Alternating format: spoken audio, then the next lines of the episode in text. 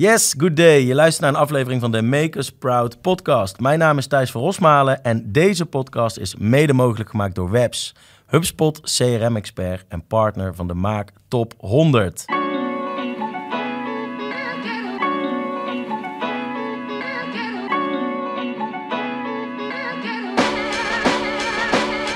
De Nederlandse maak. Dus, dus, dus shift to digital. Hidden champions.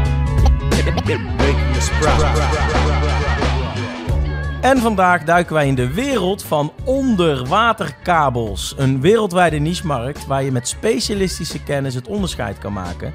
Maar wat doe je nou als de focusmarkt opeens niet meer zo aantrekkelijk is? Hoe boor je nu nieuwe markten aan met deze specialistische kennis? Vandaag hebben we een mooi verhaal over jezelf opnieuw uitvinden met moderne marketingtechnieken. Leuk dat jullie er zijn, Jeroen en Peter van de Recht Cables. Dankjewel. Dank je. Kijk, kijk. Dit is de eerste aflevering, jongens, van Gaaf. de Maak Us Proud podcast. En ik moet zeggen, misschien een beetje onwennig, maar eh, we gaan elkaar er wel doorheen slepen, toch? Tuurlijk, ja, ik heb er zin in. Leuk onderwerp, dus eh, Goed zo. We eh, duiken dadelijk wat dieper in op eh, de Rechtcables als bedrijf. Maar laten we eerst even beginnen gewoon met wie we allemaal aan tafel hebben. Peter, om bij jou te beginnen. Vertel eens kort wat over je eh, rol en over jezelf. Ja, nou, ik ben Peter Bressé. Ik ben werkzaam als Global Sales Manager bij De Recht. Al een heel tijdje, dus Ja. sinds 2005 ongeveer. Kijk, in verschillende rollen. Ja. En uh, eh, gegroeid naar de sales manager functie. ja, En eh, ik geef ja, momenteel dus leiding aan eh, de regio's eh, Europa, China, Amerika. kijk. Mooie globale rol, zeg maar, mondiaal bezig. Wat Ja. is de grootste uitdaging op dit moment? Ehm, ja, ik denk toch kijken naar eh, ja, de, om, de omzetten van eh, waar we heel lang mee bezig geweest zijn. Ja. in, eh, bepaalde markten naar eh, een transitie naar nieuwe markten. Ja, Ja. Ja, mooi, mooi. Gaan we het uitvoerig over hebben vandaag. Ehm, je bent niet alleen, je hebt je collega Jeroen bij. klopt. Jeroen, alles goed? jazeker. Ja, Mooi, fijn dat je er bent. Vertel eens wat over jouw rol bij de recht. Ja nou, ja, ik ben eh, Jeroen. Ik eh, werk sinds eh, 2008 eh, bij de recht. Ook altijd in diverse commerciële rollen. En ja, ik ben tegenwoordig de marketingmanager. Kijk, tegenwoordig zeg je, dus wat deed je daarvoor? Ik heb daarvoor heel lang sales gedaan. Ook nog een stukje project management. Of dus wat meer aan de, Ja. de uitvoerende kant nadat dat de order binnen is. Dus eigenlijk het beste van twee werelden. Want ik denk dat veel bedrijven iemand op marketing kunnen gebruiken met saleservaring. Eh, ja, ik zie dat zeker als een voordeel dat Ja. ik uit die hoek eh, kom. Dus eh, Leuk. Ja, klopt. Nou, top. Goed ook dat jij er bent.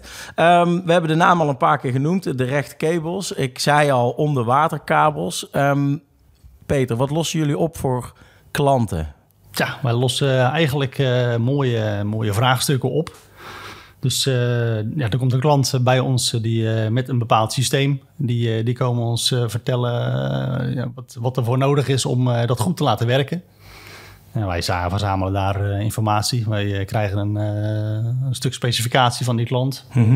En dan eh, kunnen wij eh, ja, rustig aan om de tafel gaan zitten om dat eh, helemaal uit te diepen, uit te Ja. kristalliseren. Ja, precies. Wa- Waarna er een, een, kabeldesign uitrolt. Ja, precies. En een kabeldesign, dat klinkt vrij specialistisch. We verplaatsen ons even naar een, een- verjaardagsfeestje in het weekend. Vertel eens heel makkelijk wat de kabels doen en waarom ze nou de hele wereld overgaan. Ja, dat is, dat is best een interessante. Ja, kan ik me voorstellen. Ja, ja, het begint meestal met speciaalkabels. Dat is leuk. En dan, dan hoor je van, eh, oké, wat doe je dan? Want Ja. eh, de meeste mensen halen een kabel bij de, bij de gamma Ja, bijvoorbeeld. precies.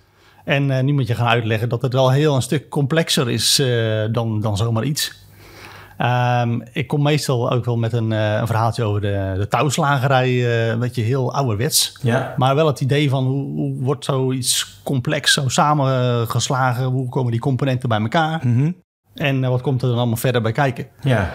Maar eh, ja, omdat het zo divers is, het zijn verschillende markten die we bedienen, pak ik meestal een, eh, een, gewoon een voorbeeld van wat gebeurt er dan achter zo'n zo'n boot, achter zo'n Ja, schip. ja, doe eens. Ja, dat is een denk ik een goeie. Ja. Vertel. Nou, bijvoorbeeld, waar begint het? Een, een oliemaatschappij die, die, die hebben misschien wel een stuk zee, wat ze van de lokale overheid hebben ja, zeg maar aangekocht. Eh er moet gezocht worden naar, naar olie en gas. En die nemen dan een van onze klanten in de, in de arm. En eh, die gaan dan eh, op, ja, op, opsporen, zeg maar, waar dan eh, zo'n zo'n oliebron Ja, zit. zo'n bel zit of Een zo'n bron zit. Ja, Klopt. precies. Ja. Ja. Daar is een heel systeem voor nodig om, laten we zeggen, een signaal uit te zenden Ja. en weer op te vangen Ja. om een mooi 3D-weergave te maken van de bodem van de Ik kan me er iets bij voorstellen. We gaan niet zomaar graven natuurlijk. Nee, meteen. precies, want het gaat ook heel vaak mis. Ja, Ehm, en wij als, als de recht eh, leveren dan eh, uiteindelijk na een heel eh, verhaal van ehm, ja, de informatie verzamelen bij zijn klant en tot een design komen, leveren die, die kabels, die aansluitingen tussen het schip en die antennekabels. oké. En daar hangt dus onder het schip hangt een apparaat... wat Ja. die signalen uitzendt, opvangt. En dat zit met kabels vast aan het schip. En die kabels die komen van jullie. Dat klopt. Ja. Dat zijn vrij sterke en vrij slimme kabels dan. ja, alles zit daarin. Dus eh, de, je kan er behoorlijk hard aan trekken. Precies. Maar er zit, eh, laten we zeggen, je kan me voorstellen dat je een soort van navelstreng hebt. Ja. Alles loopt daar doorheen. Eh, Ja. signalen, Ja, eh, power, eh, misschien ook wel eh, lucht of hydrauliek. oké. En eh, je Even kan, voor mijn beeld, hoe dik is een ding? Kan variëren. Dus zeg maar iets van tussen de 30 en eh, 60 mm doorgaans. Ja. Kan, kan kleiner, kan groter. Ja. Dus het is heel divers. Nou, mooi. Kijk, in de maakindustrie is het altijd leuk als we het over producten gaan hebben. Dan worden we altijd heel enthousiast, want daar willen we alles van weten. Eh, maar jij noemt ook één belangrijk ding, eh, oil en gas, zei je op een gegeven moment. Eh, Jeroen, toen ik bij jullie eh, voor het eerst kwam een tijd geleden en jullie leerden kennen, toen vertelde je dat dat ook wel een beetje een uitdagende markt was op dat moment. Kun je daar wat meer over vertellen?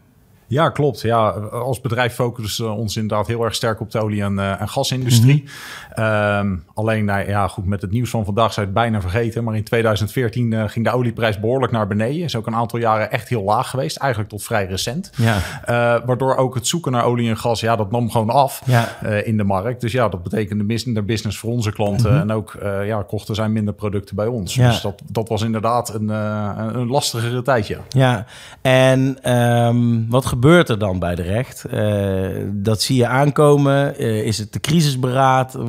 Vertel eens, neem eens terug naar 2014. Nou, in, in eerste instantie, eh, de, de olieprijs schommelt altijd wel. Ja. En natuurlijk ook door geopolitieke Ja, evenementen waren we dat wel gewoon. Dus in eerste instantie was eigenlijk de reactie van... nou, we schalen wat, wat terug. tijdelijke werknemers gaan er nou verdwijnen.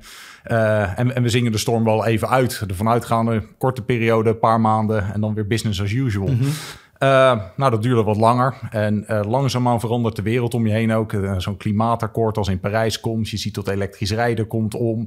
En die energietransitie, waar, waar jarenlang over gesproken wordt, zie je langzaam realiteit worden.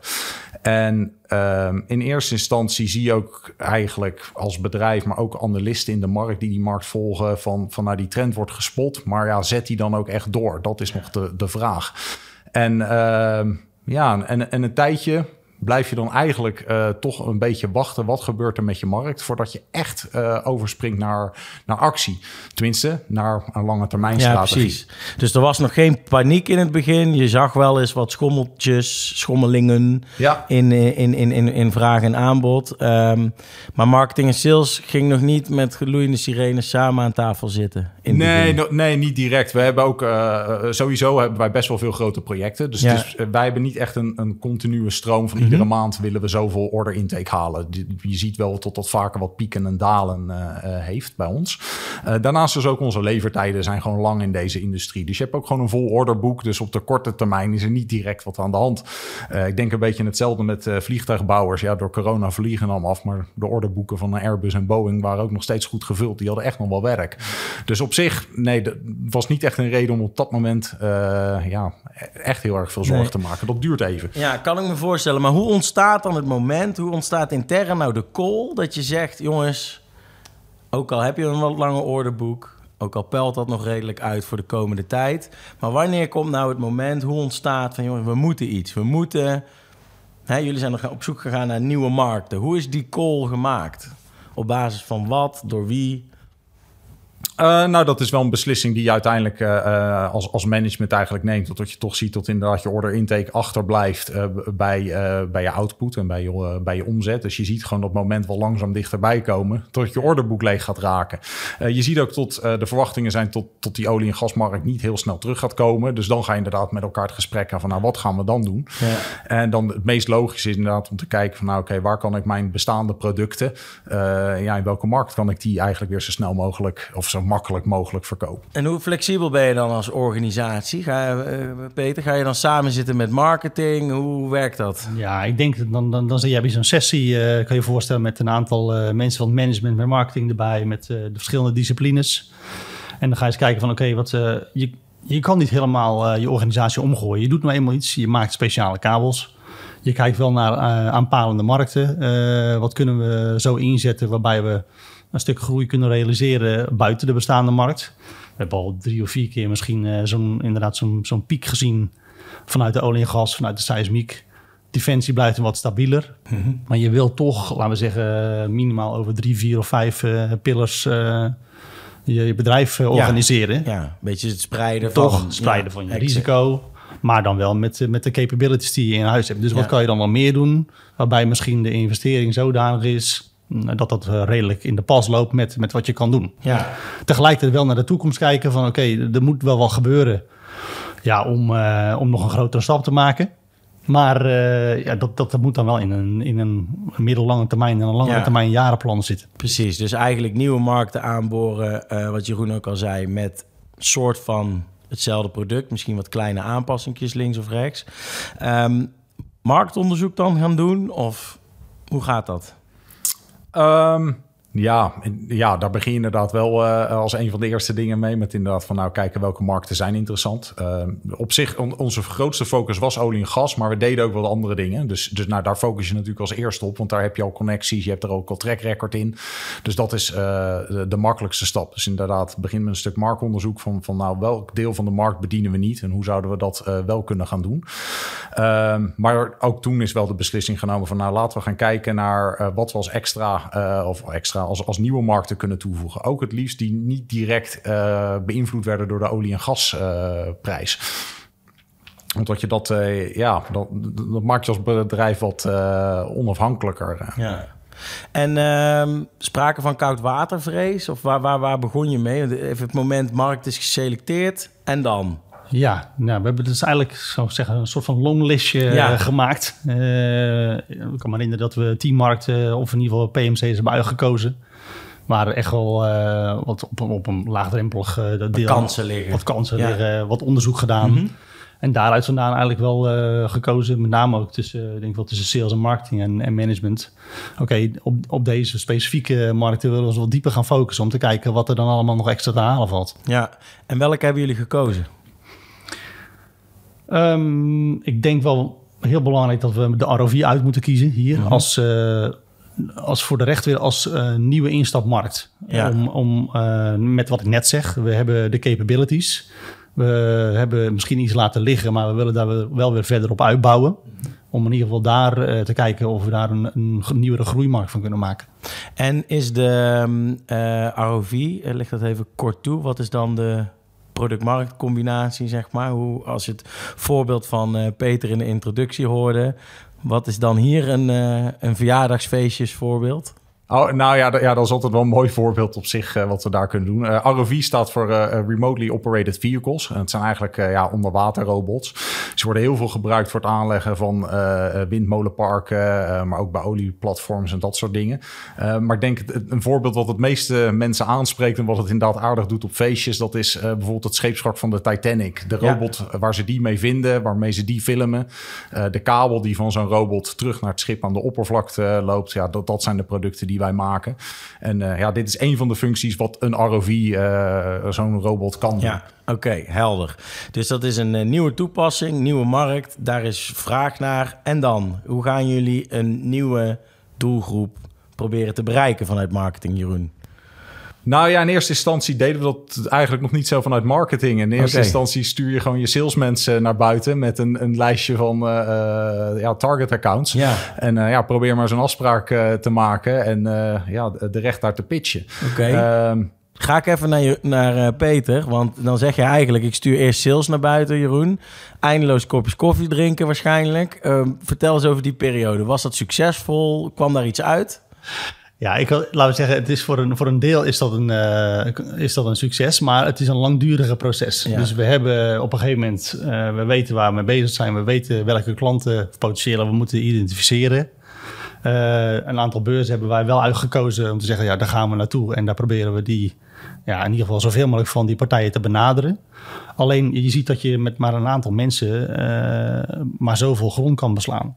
Ja. En dan moet je je energie goed kunnen verdelen in ieder geval. Ben je een vreemde eend in de bijt in zo'n situatie? Want je hebt niet de naamsbekendheid per se in die markt, begrijp ik het. Ja, goed. interessant is dat eh, jaren geleden zijn we er wat, wat meer ingedoken en is het lang blijven liggen. Dus eh, dat is allemaal een beetje versloft, allemaal weggezakt. Eh, dus je moet eigenlijk weer from scratch Ja, beginnen. Ja, precies. En vanuit marketing, Jeroen, hoe gaat dat dan? Wat, wat, hoe ga je opnieuw beginnen op zo'n manier? Nou ja, toen de tijd hadden we eigenlijk nog niet echt marketing bij de recht. Dat, dat- Dus het begon met één salespersoon die zei... ik ga in ieder geval even de marketing doen. Ja, ja en, en in die olie- en gasindustrie waar, eh, eh, ja, waren we ook marktleider. Dus iedereen Ja. kende ons qua naam. Eh, ja, we hoefden niet zo ons best te doen om een afspraak te krijgen. Dat, dat ging vanzelf. En als er nieuwe spelers in de markt kwamen... het was gewoon logisch dat je de recht belde. Iedereen kende ons. Ehm, dus ja, dat is een beetje hoe je organisatie is ingericht. Wat je salesmensen gewend zijn. Je gaat ergens heen en je hebt wel een gesprek. Ja, dan kom je in een ene en dan kenden ze je niet. Nee, precies. Eh, je trackrecord li- nou ja, ligt wel in onderwaterkabels, dus dat kan je nog wel uitleggen. Maar echt specifiek voor die mensen een toepassing, eh, ja, niet. Dus ze kunnen zich toch moeilijker identificeren of relateren aan die business. Eh, ja, en dan begint langzaam, nou ja, kom je natuurlijk terug, je salesmensen. En toen deed ik zelf ook nog sales, ko- komen terug met die bevindingen. En dan denk je van ja, dat moet anders. Je moet er toch eens ja, in gaan investeren. Dus dat is eigenlijk een, een, een, een van de grootste learnings op dat moment. Ehm, we zullen ook andere tactieken in moeten gaan zetten. Vat ik dat zo goed samen? Ja, absoluut. Ja. Oké, en ehm, vertel me dan eens eh, vanuit die eh, marketing en eh, sales samenwerking, want ik denk dat dat heel mooi is al aan dit verhaal. Jullie zitten vanaf het begin eigenlijk al goed samen aan tafel in die zin. Ehm, wat zijn dan eerste tactieken die je bent gaan verkennen? Waar, waar, wat, ja, waar begin je? Um, ja, in eerste instantie zijn we gewoon eigenlijk eh, gewoon bureaus, marketingbureaus ook gaan benaderen met, met ons eh, vraagstuk van nou, wat, hoe zouden jullie het aanpakken? Hoe zouden jullie ons, ons wellicht kunnen helpen? Eh, wat ik zei, we, hadden geen marketing. We wisten er eigenlijk op dat moment nog vrij weinig van. Dus we vonden het ook best wel lastig om de hulpvraag eigenlijk goed te definiëren. Maar gaandeweg, als je, als je met, met mensen in gesprek gaat over dat onderwerp, dan ga je wel een aardig beeld vormen. Word je ook best wel aardig ja, in de goede richting, denk ik, gezet. Dus we zijn toen eigenlijk eerst begonnen met eh, nou ja, onze, onze eh, waardepropositie beter eh, neer te zetten. Ook meer te vertalen voor de nieuwe doelgroepen, de nieuwe markten waar we naartoe willen. Een stukje rebranding zat erbij. Nou, even het logo is, is, is goed updaten. Een nieuwe website komt er ook bij kijken. Want die, ja, daar hadden we ook nooit echt aandacht aan hoeven geven wat dat betreft. En vanaf dat moment zijn we ook eigenlijk begonnen met inbound marketing. Want Tot Oké. we eigenlijk zeiden van ja, iedere keer je salesmensen maar naar buiten sturen. En ehm, voor een klant die helemaal nog niet bereid is om, om te gaan kopen. Of misschien wel helemaal happy is met zijn huidige leverancier. Het, het is niet zo heel efficiënt qua tijd. We kunnen beter erin gaan investeren om eh, de, mensen eh, die eh, op zoek zijn naar onze producten, tot die zelf naar ons toe komen. Dan kunnen we als sales veel efficiënter ons tijd besteden aan, eh, ja, aan echte opportunities en deals. Ja, sales mee eens meteen met zo'n tactiek? Of moesten jullie dan ook nog wel even over nadenken of aan wennen? Nou, eigenlijk, uh, het, het, is, het is een, een evolving proces. Ja. Hè? Dus je komt erachter dat je heel veel moet doen. Jeroen legt het net goed uit. Uh, je bent heel veel tijd kwijt. Misschien wel aan dingen die in de toekomst komen. Maar uh, je, wil, je wil ook gewoon wat meer slagingskans creëren. Maar als je dus heel veel tijd kwijt bent aan misschien wel het verkeerde moment het juiste vertellen aan mensen. Dan uh, komen, komen salesmensen er ook wel wat sneller achter van ja, ik, ik, ik wil misschien wel wat succesvoller zijn in dat project. En dat ligt na het, het, het onderdeel van die naamsbekendheid en veel meer bij de groep de awareness ja, creëren. Ja, alleen het oppoetsen van het chroom, zeg maar, is niet, uh, is niet voldoende op zo'n moment. Nee. En um, lange sales cycles dus, veel kennisoverdracht. Dat wil je aan de juiste mensen besteden. Vat ik het goed samen dat inbound marketing dan ervoor gezorgd heeft... dat je delen van die kennisoverdracht uit het salesproces... naar voren hebt gehaald in de klantbenadering... vanuit een soort marketingrol. Dus dat je meer kennis bent gaan delen over jullie producten... ook al is het een nieuwe markt... zodat daar mensen op geïnteresseerd raken, op reageren, et cetera. Ja, klopt. Is vrij nieuw, denk ik. Uh, dat was Toen. compleet nieuw ja. voor ons, ja. Hoe gaat een directie daarmee om? Ehm, nou, op zich wel goed. Kijk, er, er, er, er is het besef van het moet anders. We, we moeten dingen anders gaan doen. En ehm, iedereen geloofde eigenlijk wel vanaf dag één tot dit werkt. Uh, vooral, ik denk in, in uh, de consumentenmarketing zag je dit natuurlijk al veel meer als, als in business to business en helemaal binnen de maakindustrie. Uh, dus iedereen snapt wel waar we naartoe willen. Alleen, ja, hoe doe je dat? Waar ga je over schrijven? Wat, wat werkt bij je doelgroep? Wat niet? Ja, dat, dat moet je echt allemaal zelf uitvinden. En ehm, ja, we zijn gewoon eerst eens begonnen met een pilot. Uh, van nou, laten we gewoon eerst eens wat dingen. Uh, uh... Oké, interessant. Dus een pilot is niet meteen voor de hele groep. Is dat dan een pilot binnen de nieuwe markt of daarbinnen weer een pilot? Uh, nee, we zijn dus eigenlijk gewoon... We hebben die ROV-markt uitgekozen als, als, pilot. Want, okay. want, ja, dat, daar moesten we ons nieuwe boodschap... daar kenden ze ons niet. Uh, die moesten we daar gaan vertellen. Dus we hebben gezegd van... nou, dat gaan we gewoon eerst op poten zetten. Dan gaan we uh, lessen uitrekken. en als ons dat bevalt, als we zien tot het werkt... dan gaan we dat ook langzaam uitrollen... naar onze bestaande markten... of naar eventueel andere markten die we willen gaan bedienen. Dus klein beginnen, leren... En dan verder kijken hoe we dat kunnen kopiëren naar nieuwe markten ook weer. Ja, absoluut. En hoe ziet zo'n pilot er dan concreet uit? Wat, wat doe je dan? Nou, dat begint uiteraard, of nou, uiteraard, dat, begint met een heel aantal workshops van ja, wie wil je inderdaad benaderen, met, met welk bericht, wat wil je die mensen nou inderdaad vertellen, uh, waar liggen ze s'nachts wakker van. Die gaat ook met je sales team eigenlijk zitten en in ons geval ook met de engineers van nou, wat zijn nou vragen die je vaak voorbij ziet komen tijdens salesgesprekken, wat, wat leeft er bij die klant, wat speelt er in die markt. Uh, en daar zijn we toen begonnen met nou ja, eigenlijk een plan voor maken om daar een uh, ja, zogenaamde lead nurturing flow eigenlijk voor, voor te creëren. Dus gewoon van nou, waar begint zo iemand in zijn salesproces als die uh, zich bewust is van een probleem, dus in zo'n awareness fase zit. Ja. En probeer gewoon eerst eens eigenlijk uh, drie contentstukken te maken om langzaam te bewegen van, van, van die awareness fase naar uh, ja, dat consideration bij de recht Ja, tot die met je salesmensen ja. in gesprek Precies. wil. En uh, zijn dat dan brochures die je gaat maken over die onderwerpen? Uh, hoe moet ik dat zien? Nee, uiteindelijk hebben wij ervoor gekozen om te beginnen met een, uh, met een e-book eigenlijk. Ja. Uh, wat wat een, een trendrapport was over, over deze markt. Waarin we gewoon uh, nou, ja, diverse trends die wij zagen binnen de markt aanstipten. En, en wat dat dan betekende voor, voor kabels. Of, of nou ja, een beetje wat, wat onze rol daarin is. Ehm, toen zijn we ook voor het eerst begonnen met, met een webinar. Dat was ook een compleet nieuw format voor ons. super spannend, maar ja, wel, wel meteen succesvol. Uh, om, om, daarna uiteindelijk mensen inderdaad naar het sales team uh, langzaam uh, te bewegen. van joh, als je nu een uitdaging hebt, als je met dit probleem zit, ja, kom een keer met ons praten. En wij hebben daar ideeën over, wij kunnen je daarbij helpen. Ja, je noemt eigenlijk allemaal online stukken. Klopt. Dus website, zei je al, webinar, een e-book. Um, wat zegt dat over wat je aan tooling gebruikt in zo'n pilot?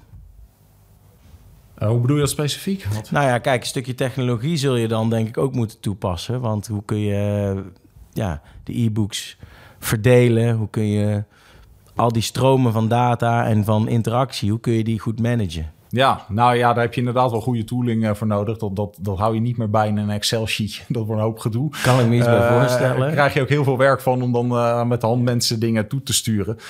dus daar gebruiken we inderdaad nou ja, HubSpot voor. waarbij gewoon dat zo'n proces helemaal geautomatiseerd is. Dus iemand komt op de website, op zo'n landingspagina, laat zijn contactgegevens achter en krijgt zijn e-book. Waarbij we hem ook daarna inderdaad kunnen attenderen op van... joh, we hebben dat webinar en ja, daar bouwen we gewoon een lijst van... van deze mensen die allemaal dat e-book hebben gedownload, willen we graag uitnodigen voor zo'n webinar. Uh, ja, en dan komen ze gewoon automatisch in zo'n flow. Dat je daar niet de hele tijd uh, actief mee bezig hoeft te zijn. Dat is één keer opzetten en daarna. En jij uh, noemde succesjes. Um, wat, wat is dat? Zoveel aanwezigen bij een webinar? Of hoe meet je het succes van de pilot? Nou ja, op diverse dingen. Kijk, uiteindelijk wil je, willen we graag de return on investment uh, meten met nou, hoeveel omzet levert het uit hardop. Uh, maar omdat onze sales cycle heel lang is, hebben we dat ook eigenlijk meer in kleine stukjes uh, verdeeld. Dus inderdaad, in eerste instantie willen we gewoon zien van oké, okay, slaat onze content aan en zien we tot we die funnel aan de voorkant aan het vullen zijn. Dus zien we tot er nu nieuwe contacten die database ja, in. Dus mensen die webinars gaan volgen, mensen die e-books downloaden, et cetera. En, en ging sales dan daarin al zitten cherrypicken? Want dit klinkt als een succesvolle pilot.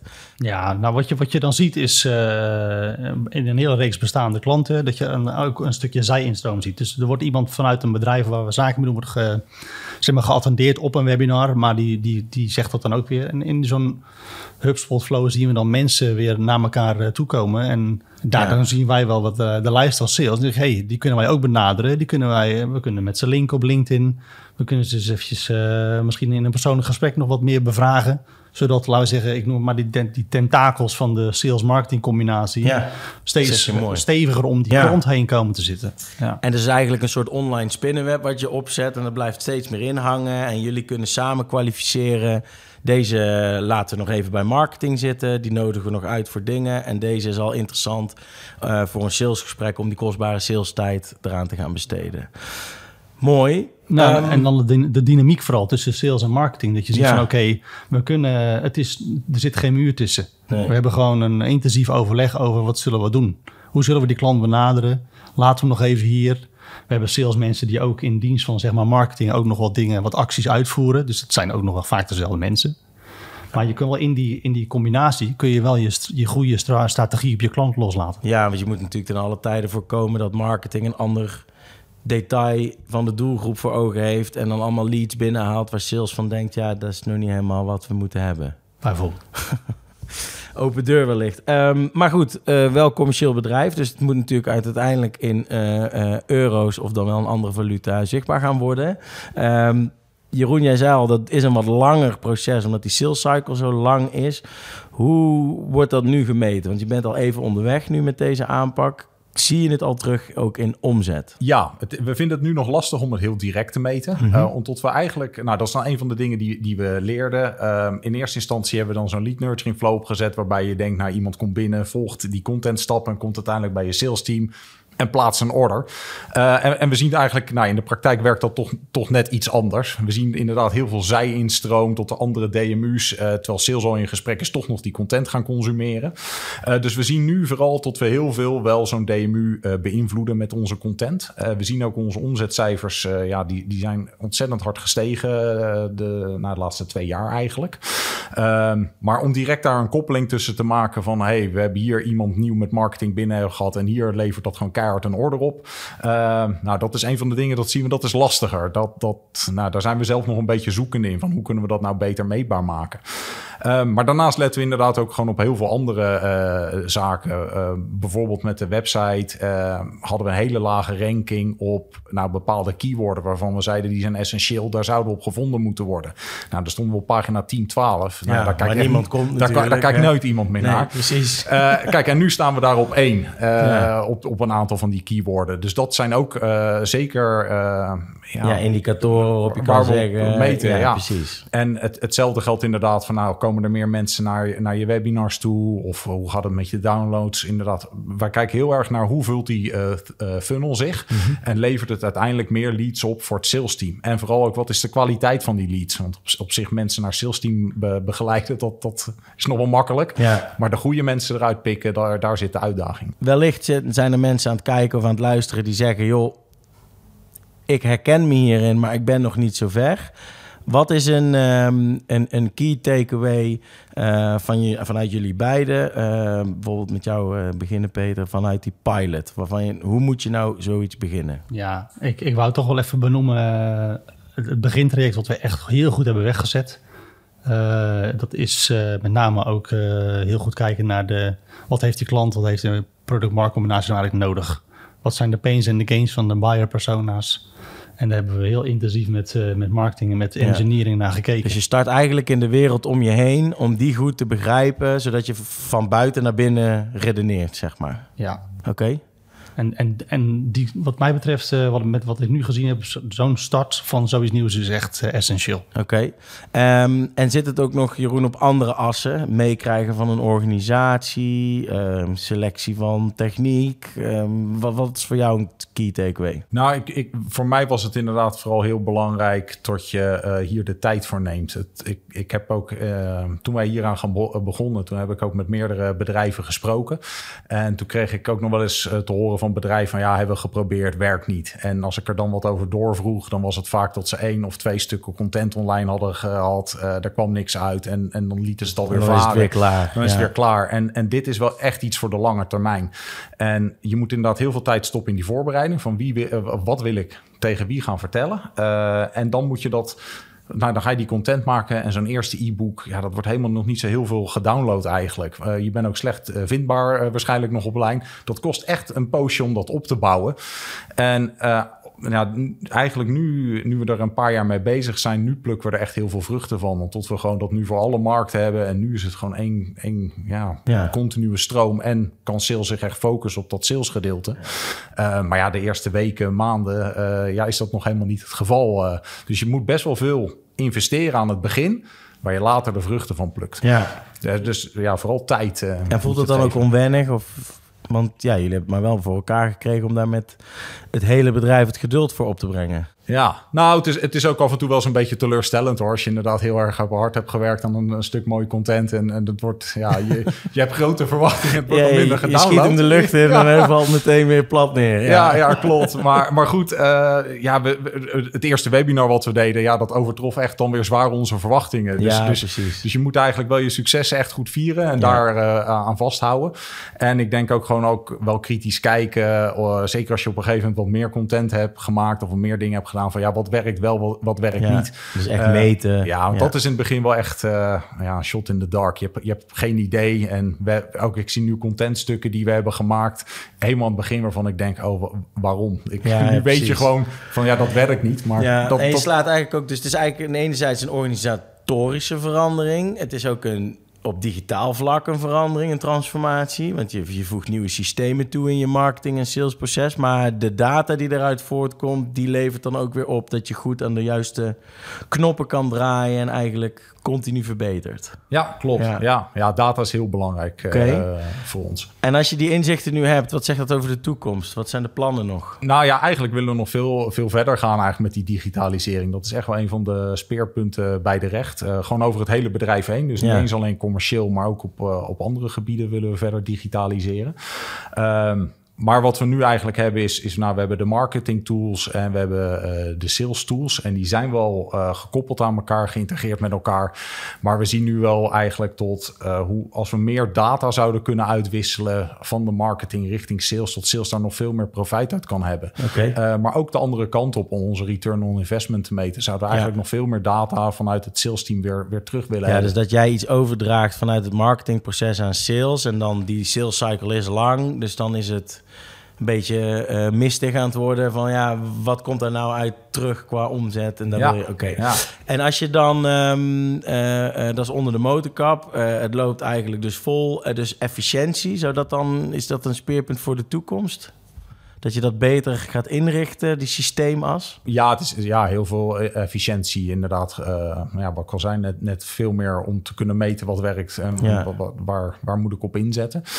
Eh, maar ook inderdaad gewoon ja, simpelweg tijdbesparing. Maar we zeiden net zo mooi ook aan het begin van buiten naar binnen redeneren. Dus denk na over de wereld om je heen. Waar, waar liggen daar de plannen vanuit sales geredeneerd? Ehm, ja, ik- Nog meer nieuwe markten misschien? Dus bijvoorbeeld, kijk, ik, ik denk dat eh, met de RV is het een, een prachtpilot geweest om dit uit te werken. En wat mij betreft, eh, en hier hebben we het ook al over gehad, dat het een mooie blauwdruk is om te kijken naar bijvoorbeeld een stuk binnen de renewables, om, om dit nog een keer helemaal van begin tot eind helemaal uit te werken. En er is, de, de leercurve is zo gigantisch stijl en er komt zoveel bij. Ja, dat kunnen we allemaal als eh, bagage in onze rugzak eh, meenemen eh, om zo'n nieuwe markt echt helemaal op die manier op te pakken en in kaart te brengen. Ja. Ja, het is een interessante case. Ik vind het mooi om te horen dat jullie zo klein zijn begonnen. Ehm, maar vooral een beetje het no guts, no glory verhaal. Dat je gewoon iets durft wat best wel nieuw kan zijn voor een organisatie. En dat je daar dus met een totale organisatie, met een rijke geschiedenis, met veel productkennis, toch wel eh, de handen op elkaar krijgt om, eh, om dat wat tijd te geven. Dus dat is wel, wel indrukwekkend. Ehm, ik hoop daarmee ook eh, dat we in ieder geval wat inspirerends hebben neer kunnen zetten voor onze luisteraars en kijkers wellicht. Ehm, want het is natuurlijk een mooi voorbeeld in de community die, ehm, eh, van de maakindustrie. Maar ik heb eigenlijk nog wel een, een, een, vraag daar rondom, eh, ook voor jullie beiden. Ehm, want we willen dit soort verhalen natuurlijk delen. We willen mensen met elkaar verbinden. Dat is het hele idee van, van deze podcast. Nou, we gaan het allemaal nog maar nog meemaken natuurlijk, want dit is aflevering 1. Ehm, maar Jeroen, als ik aan jou vraag, hè, even een soort slotvraag. Wat is nou echt een, een, een, een parel of ja, in de, eigenlijk in de Nederlandse maakindustrie waarvan jij nou zegt, die zou ik in de gaten houden? Een bedrijf, een kanaal, een persoon wie inspireert jou of wat inspireert jou? Wat moeten we gaan volgen? Ja, wat ik wel een heel interessant bedrijf vind is uh, Optics 11. Uh, Optics 11? Optics 11, okay. ja. Dat is een, uh, een bedrijf, dat is een spin-off eigenlijk van de Vrije Universiteit. Okay. En zij maken of zij gebruiken fiber optic als uh, sensor. En uh, zij meten dus dingen eigenlijk met licht. Okay. En dat gebruiken ze eigenlijk in hetzelfde domein als, als dat wij dat doen. Dus bijvoorbeeld die sensoren waar Peter helemaal aan het begin over vertelde. Uh, die zijn nu nog vaak met elektronica. Dat doen zij dan met licht. Waardoor dat veel kleiner en, en, lichter uiteindelijk kan. maar ze gebruiken het ook bijvoorbeeld om in dijken de conditie van de dijk te kunnen meten. maar ook in life science toepassingen zijn ze het aan het doen. En ja, mooie techniek. Uh, nog een uh, relatief klein bedrijf, maar wat wel hard groeit uh, de laatste tijd met ja, een heel mooi product. Zo, gaan we volgen. Voor jou Peter, dezelfde vraag. Ja, ik zou uh, Olsies willen benoemen met hun ontwikkelingen in de deep sea mining markt. En dat is, dat is toch een, iets waarvan ik denk van ja, dat, dat gaat de komende jaren een, een vlucht misschien wel nemen. Mm -hmm. Wat doen zij? Ja, op dit moment zijn ze naar ruwe materialen, edelmetalen aan het zoeken op de bodem van de oceaan. Okay. En uh, ja, als je kijkt naar ook weer een stuk transitie naar uh, bijvoorbeeld uh, wat er nodig is voor batterijen. Ja, dan, dan denk ik dat, dat dat wel een heel mooie beweging is ook naar sustainable. Ja, precies. Met oog op de wereld van morgen. Hartstikke goed. Um, heren, ik denk dat de kop eraf is. Ik vond het een eer om dat met jullie te mogen doen. Um, ik rond hiermee aflevering 1 af en uh, ik kijk uit naar het vervolg. En ik wil jullie uh, heel hartelijk bedanken voor je komst en jullie mooie verhaal. Ja, dankjewel tot we hier mochten zijn. Thijs. Graag gedaan. Dankjewel. Alright, dat was hij voor vandaag. Je kunt ons beluisteren via de gekende platformen Spotify, Apple Podcast, Google Podcast. En daarnaast vind je natuurlijk een overzicht van uh, alle afleveringen op onze website maakusproud.nl. Um, vind je deze podcast nou leuk? Laat dan zeker een review achter in je favoriete podcast-app. Want hoe meer mensen luisteren, hoe groter de positieve impact die we samen kunnen maken.